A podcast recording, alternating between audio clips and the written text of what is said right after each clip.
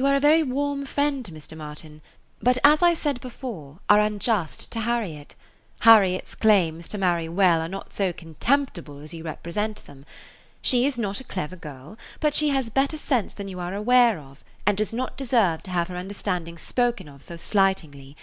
Waiving that point, however, and supposing her to be, as you describe her, only pretty and good natured, let me tell you that in the degree she possesses them they are not trivial recommendations to the world in general, for she is, in fact, a beautiful girl, and must be thought so by ninety nine people out of a hundred, until it appears that men are much more philosophic on the subject of beauty than they are generally supposed; till they do fall in love with well informed minds instead of handsome faces, a girl with such loveliness as Harriet has a certainty of being admired and sought after, of having the power of choosing from among many consequently a claim to be nice. Her good nature, too, is not so very slight a claim, comprehending as it does real, thorough sweetness of temper and manner, a very humble opinion of herself, and a great readiness to be pleased with other people. I am very much mistaken if your sex in general would not think such beauty and such temper the highest claims a woman could possess." "Upon my word, Emma, to hear you abusing the reason you have is almost enough to make me think so too. Better be without sense than misapply it as you do." "Oh, to be sure!" cried she playfully. "I know that is the feeling of you all. I know that such a girl as Harriet is exactly what every man delights in, what at once bewitches his senses and satisfies his judgment. Oh, Harriet may pick and choose. Were you yourself ever to marry, she is the very woman for you.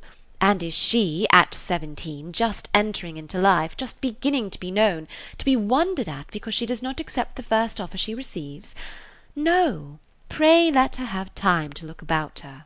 "I have always thought it a very foolish intimacy," said Mr. Knightley presently, "though I have kept my thoughts to myself; but I now perceive that it will be a very unfortunate one for Harriet. You will puff her up with such ideas of her own beauty, and of what she has a claim to, that in a little while nobody within her reach will be good enough for her. Vanity working on a weak head produces every sort of mischief. Nothing so easy as for a young lady to raise her expectations too high. Miss Harriet Smith may not find offers of marriage flow in so fast, though she is a very pretty girl. Men of sense, whatever you may choose to say, do not want silly wives. Men of family would not be very fond of connecting themselves with a girl of such obscurity, and most prudent men would be afraid of the inconvenience and disgrace they might be involved in when the mystery of her parentage came to be revealed. Let her marry Robert Martin, and she is safe, respectable, and happy for ever. But if you encourage her to expect to marry greatly, and teach her to be satisfied with nothing less than a man of consequence and large fortune, she may be a parlour boarder at Mrs. Goddard's all the rest of her life or at least for Harriet Smith is a girl who will marry somebody or other till she grow desperate, and is glad to catch at the old writing master's son." "We think so very differently on this point, Mr. Knightley, that there can be no use in canvassing it. We shall only be making each other more angry. But as to my letting her marry Robert Martin, it is impossible. She has refused him, and so decidedly, I think, as must prevent any second application. She must abide by the evil of having refused him, whatever it may be; and as to the refusal itself, I will not pretend to say that I might not influence her a little, but I assure you there was very little for me or for anybody to do. His appearance is so much against him, and his manner so bad, that if she ever were disposed to favour him, she is not now. I can imagine that before she had seen anybody superior she might tolerate him. He was the brother of her friends, and he took pains to please her and altogether having seen nobody better that must have been his great assistant she might not while she was at Abbey Mill find him disagreeable; but the case is altered now. She knows now what gentlemen are, and nothing but a gentleman in education and manner has any chance with Harriet." "Nonsense, arrant nonsense as ever was talked!" cried Mr. Knightley. Robert Martin's manners have sense, sincerity, and good humour to recommend them, and his mind has more true gentility than Harriet Smith could ever understand." Emma made no answer, and tried to look cheerfully unconcerned, but was really feeling uncomfortable and wanting him very much to be gone. She did not repent what she had done; she still thought herself a better judge of such a point of female right and refinement than he could be. But yet she had a sort of habitual respect for his judgment in general, which made her dislike having it so loudly against hers; and to have him sit just opposite to her in an angry state was very disagreeable. Some minutes passed in this unpleasant silence, with only one attempt on Emma's side to talk of the weather, but he made no answer. He was thinking. The result of his thoughts appeared at last in these words: "Robert Martin has no great loss, if he can but think so and I hope it will not be long before he does. Your views for Harriet are best known to yourself, but as you make no secret of your love of match making, it is fair to suppose that views and plans and projects you have; and as a friend I shall just hint to you that if Elton is the man, I think it will be all labour in vain." Emma laughed and disclaimed. He continued: "Depend upon it, Elton will not do. Elton is a very good sort of a man, and a very respectable vicar of Highbury but not at all likely to make an imprudent match. He knows the value of a good income as well as anybody. Elton may talk sentimentally, but he will act rationally. He is as well acquainted with his own claims as you can be with Harriet's. He knows that he is a very handsome young man, and a great favourite wherever he goes, and from his general way of talking in unreserved moments, when there are only men present, I am convinced that he does not mean to throw himself away. I have heard him speak with great animation of a large family of young ladies that his sisters are intimate with, who all have twenty thousand pounds apiece." "I am very much obliged to you," said Emma, laughing again. "If I had set my heart on Mr. Elton's marrying Harriet, it would have been very kind to open my eyes; but at present I only want to keep Harriet to myself. I have done with match making indeed.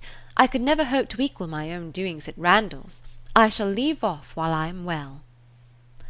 "Good morning to you," said he, rising and walking off abruptly. He was very much vexed. He felt the disappointment of the young man, and was mortified to have been the means of promoting it, by the sanction he had given, and the part which he was persuaded Emma had taken in the affair was provoking him exceedingly. Emma remained in a state of vexation too, but there was more indistinctness in the causes of hers than in his. She did not always feel so absolutely satisfied with herself, so entirely convinced that her opinions were right and her adversaries wrong, as Mr. Knightley. He walked off in more complete self approbation than he left for her. She was not so materially cast down, however, but that a little time and the return of Harriet were very adequate restoratives. Harriet's staying away so long was beginning to make her uneasy. The possibility of the young man's coming to Mrs. Goddard's that morning, and meeting with Harriet and pleading his own cause, gave alarming ideas. The dread of such a failure after all became the prominent uneasiness, and when Harriet appeared, and in very good spirits, and without having any such reason to give for her long absence, she felt a satisfaction which settled her with her own mind, and convinced her that let Mr. Knightley think or say what he would, she had done nothing which woman's friendship and woman's feelings would not justify. He had frightened her a little about Mr. Elton, but when she considered that Mr. Knightley could not have observed him as she had done, neither with the interest, nor, she must be allowed to tell herself, in spite of Mr. Knightley's pretensions, with the skill of such an observer on such a question as herself, that he had spoken it hastily and in anger, she was able to believe that he had rather said what he had wished resentfully to be true, than what he knew anything about. He certainly might have heard Mr. Elton speak with more unreserve than she had ever done, and Mr. Elton might not be of an imprudent inconsiderate disposition as to money matters; he might naturally be rather attentive than otherwise to them; but then Mr. Knightley did not make due allowance for the influence of a strong passion at war with all interested motives. Mr. Knightley saw no such passion, and of course thought nothing of its effects but she saw too much of it to feel a doubt of its overcoming any hesitations that a reasonable prudence might originally suggest, and more than a reasonable, becoming degree of prudence she was very sure did not belong to Mr. Elton. Harriet's cheerful look and manner established hers. She came back, not to think of Mr. Martin, but to talk of Mr. Elton. Miss Nash had been telling her something which she repeated immediately with great delight. Mr. Perry had been to Mrs. Goddard's to attend a sick child, and Miss Nash had seen him and he had told Miss Nash that as he was coming back yesterday from Clayton Park he had met Mr. Elton, and found to his great surprise that Mr. Elton was actually on his road to London, and not meaning to return till the morrow, though it was the whist club night which he had been never known to miss before, and Mr. Perry had remonstrated with him about it, and told him how shabby it was in him, their best player, to absent himself, and tried very much to persuade him to put off his journey only one day, but it would not do. Mr. Elton had been determined to go on, and had said in a very particular way indeed that he was going on business which he would not put off for any inducement in the world, and told him so and something about a very enviable commission, and being the bearer of something exceedingly precious. Mr. Perry could not quite understand him, but he was very sure there must be a lady in the case, and he told him so. And Mr. Elton only looked very conscious and smiling, and rode off in great spirits. Miss Nash had told her all this, and had talked a great deal more about Mr. Elton, and said, looking so very significantly at her, that she did not pretend to understand what his business might be, but she only knew that any woman whom Mr. Elton could prefer, she should think the luckiest woman in the world, for beyond a doubt Mr. Elton had not his equal for beauty or agreeableness.